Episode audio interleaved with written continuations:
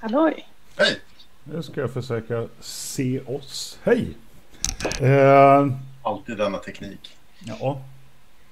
Eh, och eh, vi har en bild på biblioteket som bakgrund. Som man ser om man följer oss på YouTube. Men inte i Zoom. Men det, det, det är så det är. Eh, och det är så vi jobbar. Eh, jag heter Johan. Jag jobbar på IT-avdelningen. Patrik Jobbar också på IT-avdelningen. Men eh, Rosa jobbar på Jobbar inte på IT-avdelningen. Nej. KTH-biblioteket. Varmt välkommen till eh, vår lilla babbelpodd. Tack så mycket. Eh, hur är Ja. läget? Jo, det är bra bortsett från att de borrar här lite grann så jag hoppas det inte läcker för mycket borrljud. Det är aldrig så roligt, aldrig särskilt roligt. Det är en del av konceptet som sagt med att köra live. Saker händer.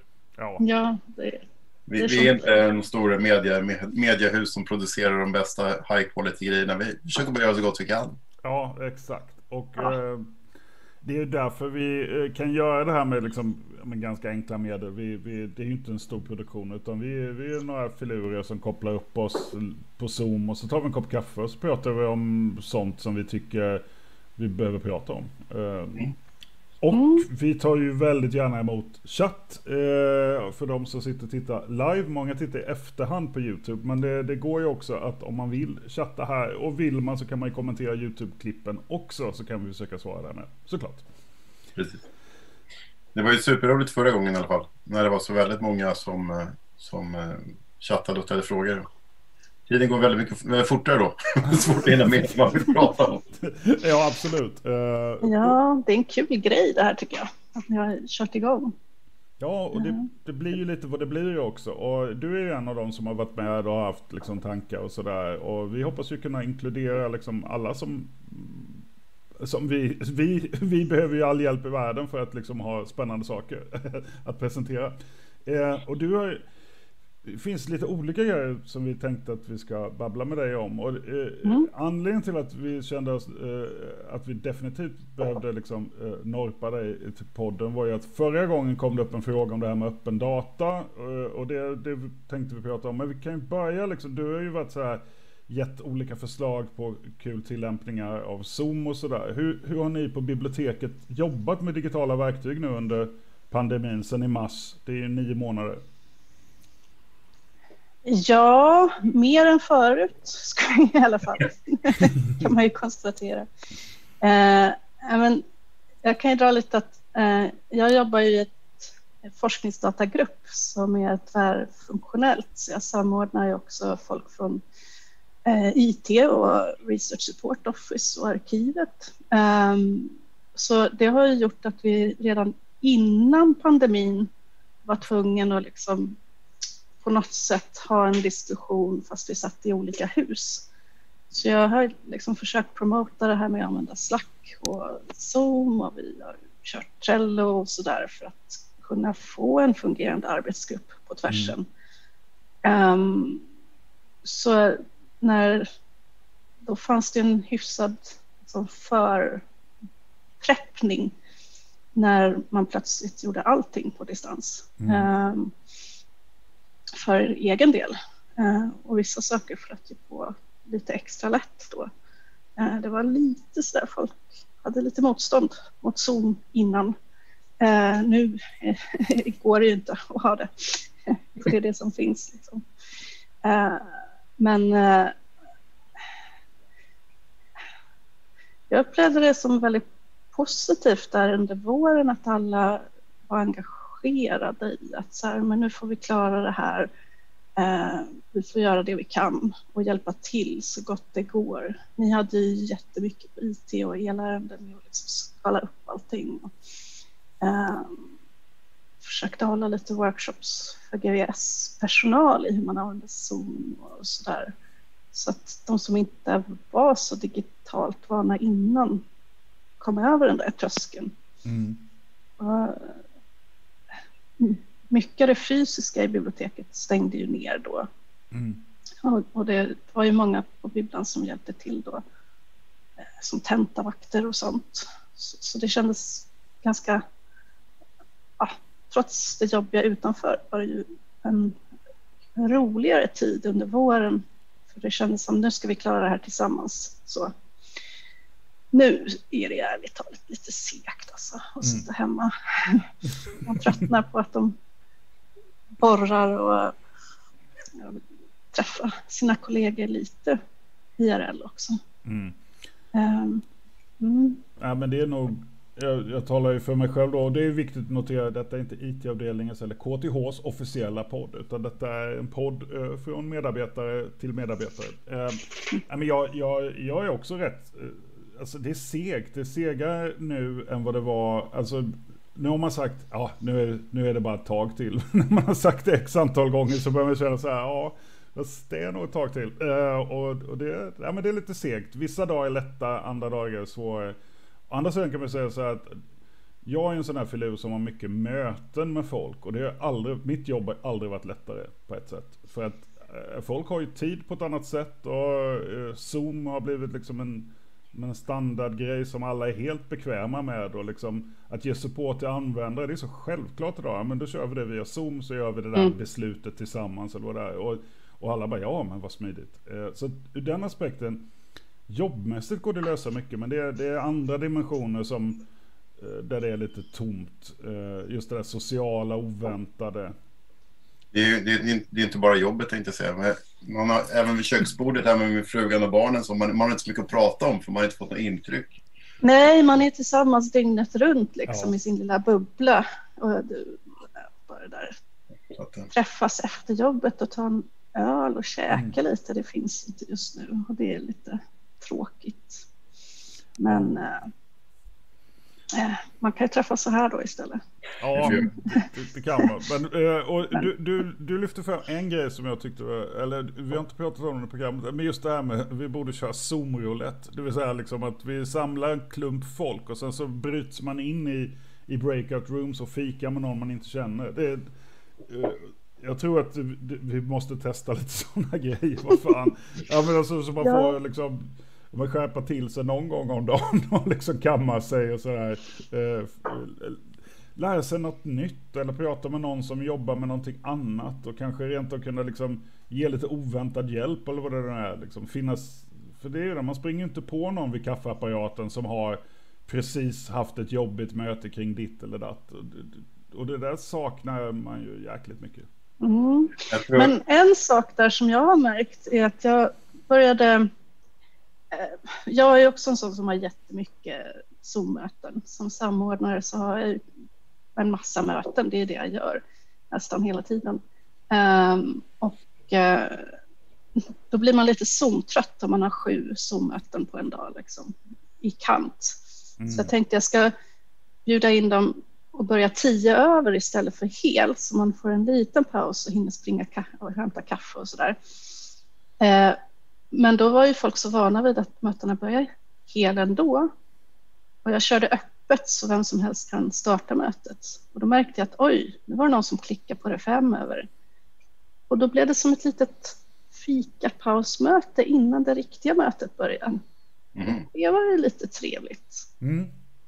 En så här slump är det så ett par gånger. Då får man lite det där försnacket som man kanske har vid kaffeautomaten annars.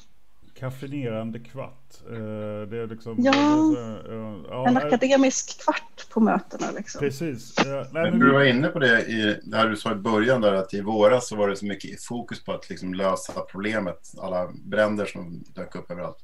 Mm. Nu, och sen så kom man till det här mentala att jag ska bara ha semester. Sen är det färdigt. Och sen så gick det ett tag och sen så här. Sen kommer julen, sen är det färdigt. Och nu så ser vi att men vi, det är kanske nästa i höst som det börjar liksom bli lite vanligt igen.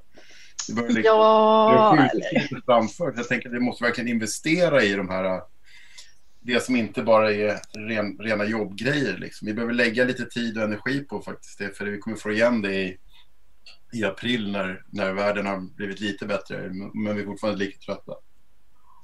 Ja, fast man blir ändå lite piggare när det är varmt ute och man kan mm. gå ut och kanske ta lite mer promenadmöten tillsammans. Och, alltså, ja.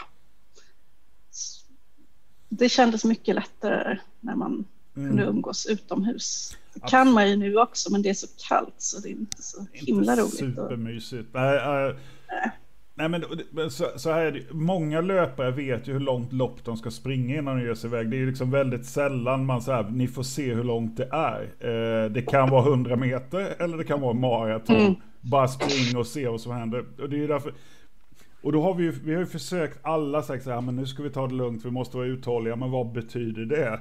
Eh, ska vi vara uthålliga på tusen meter eller är det fyra mil vi ska springa? Eh, det, det, kan ju påverka Ja. hur mycket blåbärssoppa annat man behöver längs vägen liksom. Eller Det kanske är skillnaden som jag känner nu mot i våras, för då var det som ett sprintlopp. Mm. Nu är det liksom, oj, det är nu fram till semestern, vi måste fixa det här, nu, nu, nu. Eh, och sen var det semester och det var ju skönt och härligt och sen blev det liksom lugnare under hösten och så blev det värre igen. Mm. Och nu är det så här, ja, ja hur länge ska man springa nu då? Vi springer till nästa semester. Åtminstone. Eh, men eh, det har ju också gjort att det dyker upp en massa grejer. Som till exempel eh, det här piratforumet som vi har nu. Och eh, det dök upp en fråga förra veckan. Eh, eller, ja, egentligen en synpunkt kring öppen, eh, liksom open data. Och det här är ju någonting. Jag har jobbat på KTHB. Så jag vet ju att eh, du är en sån person bland flera där som, som brinner för detta och har jobbat med frågan länge. Kan inte du förklara för mig och Patrik lite vad, vad händer på KTH nu? Eh, och hur, vad, hur har vi jobbat och var står vi nu? Var, vart är vi på väg? Lite utmaningar. Alla, alla, alla spännande frågor. Det skulle jag kunna hålla på med i många timmar. Men om man ska försöka sammanfatta det så vi har ju haft ett forskningsdataprojekt nu som har pågått i två år. Och då har ju vårt mål varit att öka eh, de forsk... Alltså, gud. Ah, nu tappar jag bort mig här. Eh, jo, men vi har ju forskning på KTH. Massa spännande och rolig forskning.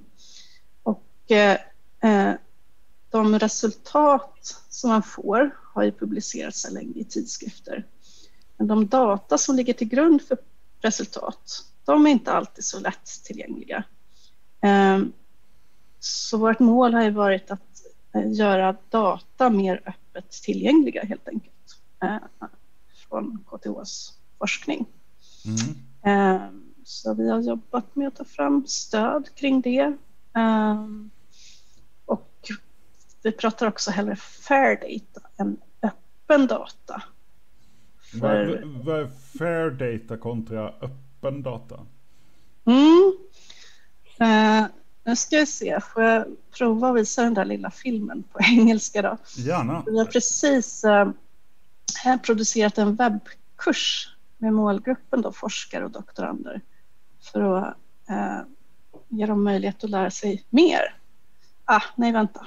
Nu glömde jag ju det där med ljudet. Just det. Sådär. nu ska vi se om det funkar. Oj, det är lite jobbigt att se sig själv här. Men Well, uh, FAIR is an acronym that stands for findable, accessible, interoperable, and reusable. It is important to distinguish between fair data and open data, although these concepts overlap. Both of these concepts are also on a scale, so data can be more or less fair and more or less open. If you have a data management plan, you can ask early on if some or all of the project's data might be confidential. If the answer is no, you can publish your data as fully open data. If the answer is yes, the data should still be stored for at least 10 years after the end of the research project, but without direct access. Requests can be made to access the data, and these requests will be approved if there is a lawful basis for the request. Metadata describing the data can be published even though the data itself remains confidential.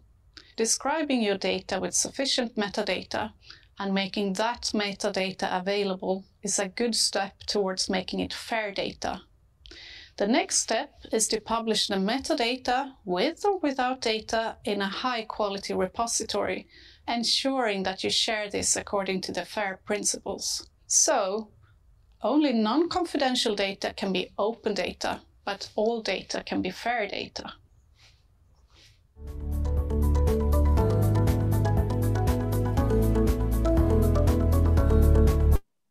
Det här har ju varit lite... Sådär.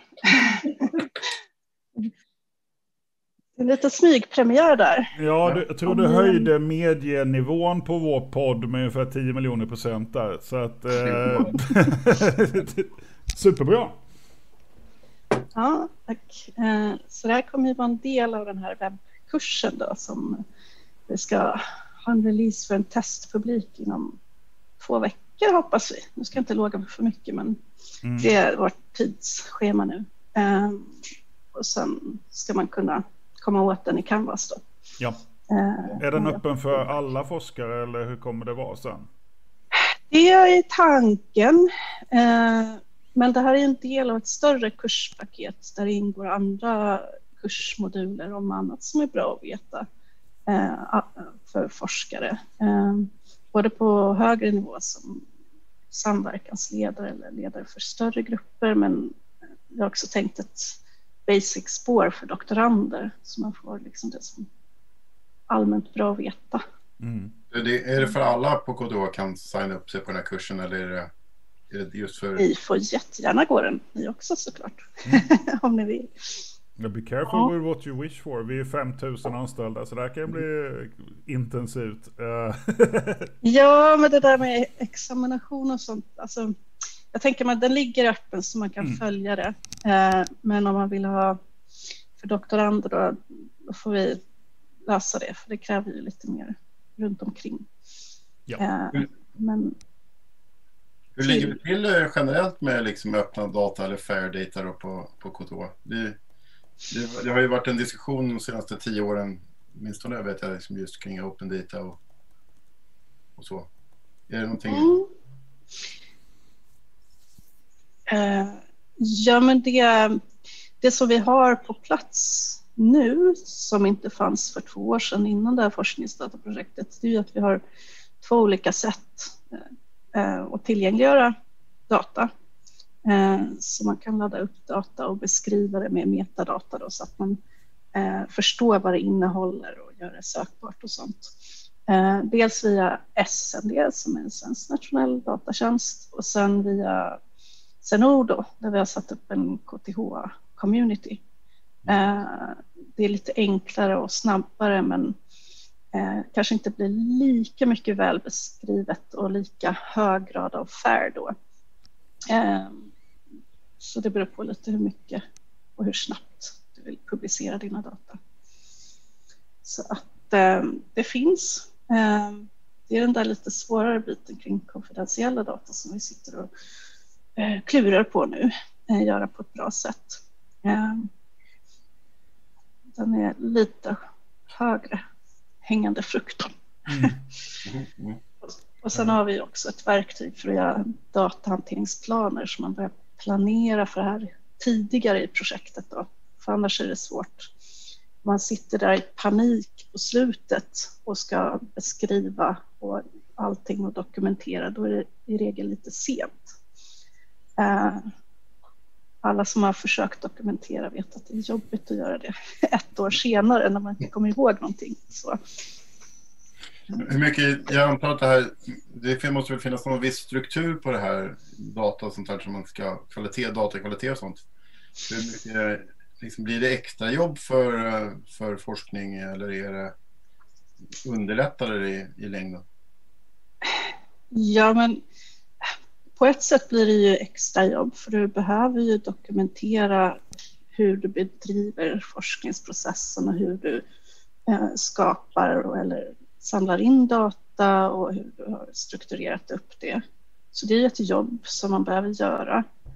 Eh, men man kanske tjänar tid i slutändan därför att om du har gjort det jobbet från början eh, så hittar du också själv din data och förstår vad det är för någonting. Så att om du fem år senare vill gå tillbaka och se vad du har gjort så förstår du det. För att så bra minne har ju väldigt få. Mm. Så att man kommer ihåg vad man gjorde för fem år sedan i detalj. Eh, och sen ju mer data som tillgängliggörs öppet, desto mer data finns det ju som man kan använda också. Eh, så det blir som någon slags allmän gods som alla kan dra nytta av. Hur? Komma in på det här med datadriven innovation och datadriven forskning. Hur, hur, upplever du kulturen här från eh, våra forskare? Alltså, eh, är detta eh, självklart sedan länge eller är detta en ny tanke för många? Eller liksom, var, var, finns det en utmaning eller finns det liksom ett sug efter detta? Både och skulle jag vilja säga. Har ju både forskningsområden när man har gjort det här i många, många år. Så det finns existerande infrastruktur. Om man, om man nu ska snacka life science, jag kommer från det hållet själv för, som bakgrund. Eh, eh, där har man ju delat data sedan 70-talet. Liksom det var det första man gjorde innan internet hade man ju liksom datadelning. ARPANET. Liksom. Mm. Eh, Medan andra forskningsområden kanske har mer utmaningar kring att dela data, kanske för att det är mer konfidentiellt. Om man till exempel intervjuer, då har du personuppgifter. Och då börjar man tänka ett varv till med vad det är man kan dela och inte dela. Ehm, så det är olika i olika. Ehm, och sen har vi fått en fråga här? Vad ja, roligt. Från Harald. Eh, det kan mm. vara en konflikt mellan forskarens intresse och skolans intresse. Forskaren vill ju bara bli klar medan skolan har ett längre forskningsperspektiv. Hej hej. Hej Harald.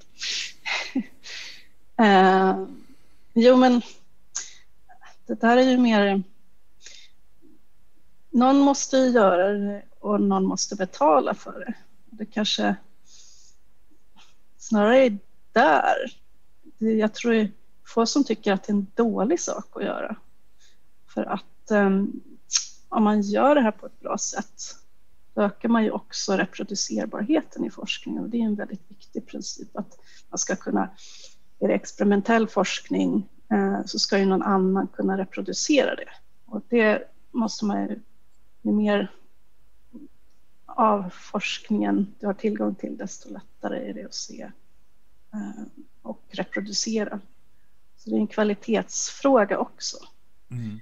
Men, eh, men eh, det är ju dels arbete och eh, om man pratar datakvalitet så tittar vi nu på att bygga upp kurerings, alltså kvalitetssäkring av vilka metadata behövs för att det här ska kunna återanvändas. Ehm, och, och, det är ju något som kräver arbete såklart. Sen är ju lagring något som har blivit väldigt, det blir billigare och billigare. Men samtidigt så blir datamängderna mer och mer också.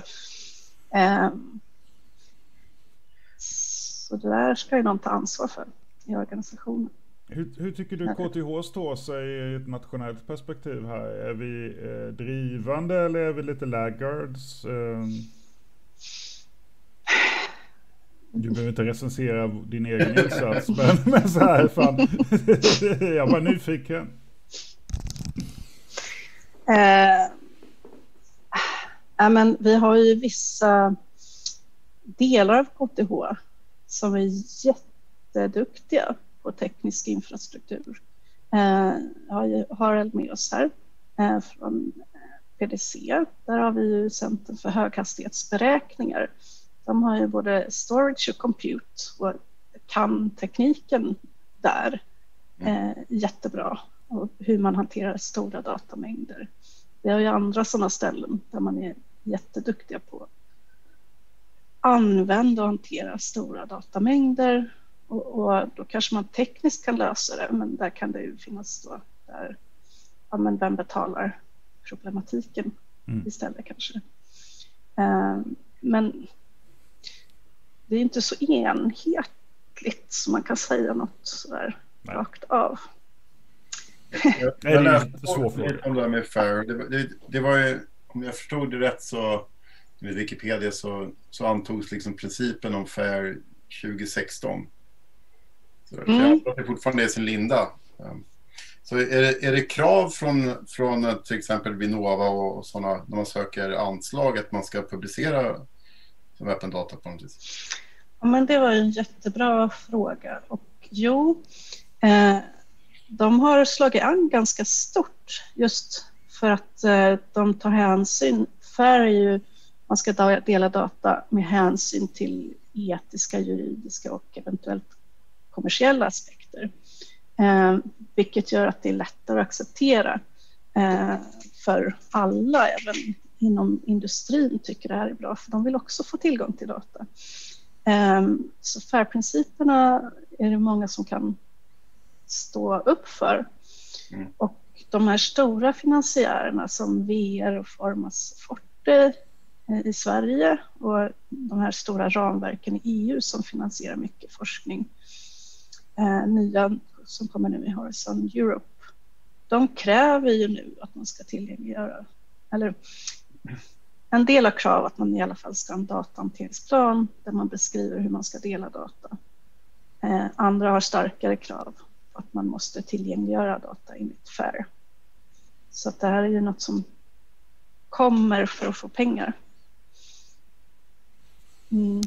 Just det. Uh, för det, det, tenderar ju att göra livet lite lättare liksom om reglering, krav, uh, inte minst finansiella krav följer så att säga, uh, att, att det går i takt. det, gör ju, det gör det ju naturligtvis lättare att, att, att driva något som ändå i grund och botten alltid, i alla fall initialt, innebär jobb för, för medarbetare mm. och för teknisk infrastruktur och vad nu kan vara. Um, men jag, för mig var det ju nytt, alltså FAIR-principen, bara där lärde jag mig något idag. Så att... Ja, du har kommit rätt. I alla fall lärt mm. en medarbetare någonting nytt. Um, vad är, vad är det, om du har en önskelista för, för oss på KTH, vad är, mm. vad är det för något du skulle vilja ha på plats liksom, om, om, fem år för att kunna underlätta? Att vi, forskarna lätt och enkelt ska kunna jobba med FAIR och publicera sina data? Um, vi har ett IT-projekt på gång i år. Um, men på fem års sikt då kan man ju sikta lite högre. Um, och då skulle jag vilja se mycket mer på liksom, integrationsområdet, systemintegration, så man får riktiga data pipelines så mm. du inte behöver liksom manuellt flytta data mellan system eller ja, men, det finns ju saker som skulle som har förbättringspotential där eh, som skulle förenkla för forskare och bara göra ett klick och så går man vidare till nästa steg istället för allt det här himla mäckiga administrativa mm. fylleri formulär. Ja, ja.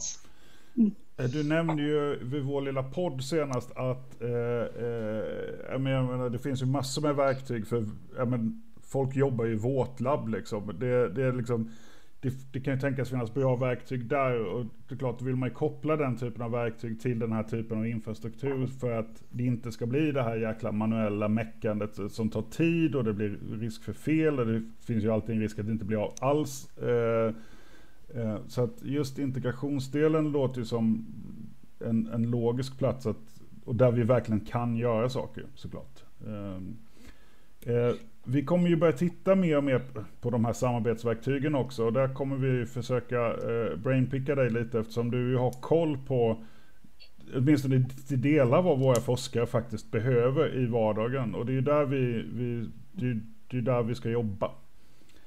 Ehm, nu ska vi se, nu mm. dyker det upp lite kul grejer här i chatten ja. innan vi byter upp. Jag tycker... Ja, men jag kan säga så länge att vi har ju samlat in användarbehov i forskningsdataprojektet. Då har vi ju fokuserat på forskningsdata och haft enkäter och workshops och sånt. Men då har det ju ibland trillat in sånt som har just med digitala samarbetsverktyg och hur gör vi nu när man har en handledare och så har man doktorander och alla sitter på distans och man behöver stämma av och projektplanera och, och sådär. Så att det, det, halkar ju in sånt som kanske är ert område också mm. i det där. Jag sitter liksom med en massa data då. Så det kan man absolut dela med sig av. Mm, ja, men det, det tittar vi gärna på. Och, Anonymt. eh, för tiden går fort när man har roligt då och eh, vi börjar närma oss, eh, eller rättare sagt vi har nått vår, vår Oj. limit. Men om någon har en snabb fråga. Niklas eh, säger integrerbara säkra datakällor med strukturerad data skulle jag säga står högt på önskelistan också. Ja, eh, och det, det är kul för oss som IT-avdelning för där kan vi ju där kan vi göra saker. Mm, kan jobba. Mm. Eh, Men återigen, det är ju lite som det jag och Patrik var inne på och babblade om också här för någon gång sedan. Att för oss handlar det så väldigt mycket om att ligga så nära som möjligt verksamhetens behov, men också få verksamhetens behov. Att liksom, eh, vi vill ju kunna fånga dem, men vi måste ju också ha hjälp för att vi måste ju få dem uttryckta. Och, eh, men det, det handlar ju om eh, att mötas och att diskutera de här frågorna. Eh, och jag är säker på att det kommer nya tankar och frågor efter den här. Så att eh, mejla oss eller haka på nästa gång och sen så kanske vi kan lura tillbaka dig någon gång här i podden om det dyker upp lite frågor. Eh, så kan vi fortsätta diskutera. För man får börja någonstans och sen det ena ger det andra ofta. Om, om det är någon som lyssnar på den här podden, jag blev lite inspirerad av de här datakällorna och strukturen. Nu när vi börjar bygga upp någon slags datamängd här som är strukturerad och vi kan använda. Så, vi fick frågan första, eh, första avsnittet kring machine learning och sådana grejer. Den där data, liksom, datan som ligger där strukturerad borde ju vara en, en guldgruva för, för oss. Mm. Om det är någon som har, har Mm. koll på någon som jobbar med, med machine learning och AI och som vi kan prata med så vore det, tycker jag det vore superkul. tipsa oss. Och vill man veta mer om fair data, open data, så kommer det ju som sagt snart finnas en kurs i Canvas, alltså vår liveplattform för där intresserad personal kan lära sig mer. Precis. Vi har webbinfo också under bibliotekets webb och så lite. Men Mm. det är samlat där. Vi kan lägga lite glada länkar på YouTube också, så, så finns det där. Låter bra. Men eh, tusen tack för att du tog dig tid eh, mitt i borrandet och annat. och Ja, men de slutar faktiskt nu. Ja. De har nog tagit lunch. Det är lunch nu, det, det, Mm. vi får tacka för det. Eh, Ja, men Det var roligt att ha det här Rosa. Tusen det var tack. kul att få vara med. Ja, det blir fler gånger verkligen. Mm. Kom gärna tillbaka. Ha det riktigt Ha det bra bra. allesammans. Puss och kram på er allihopa. Tjingeling! Ciao. Hej.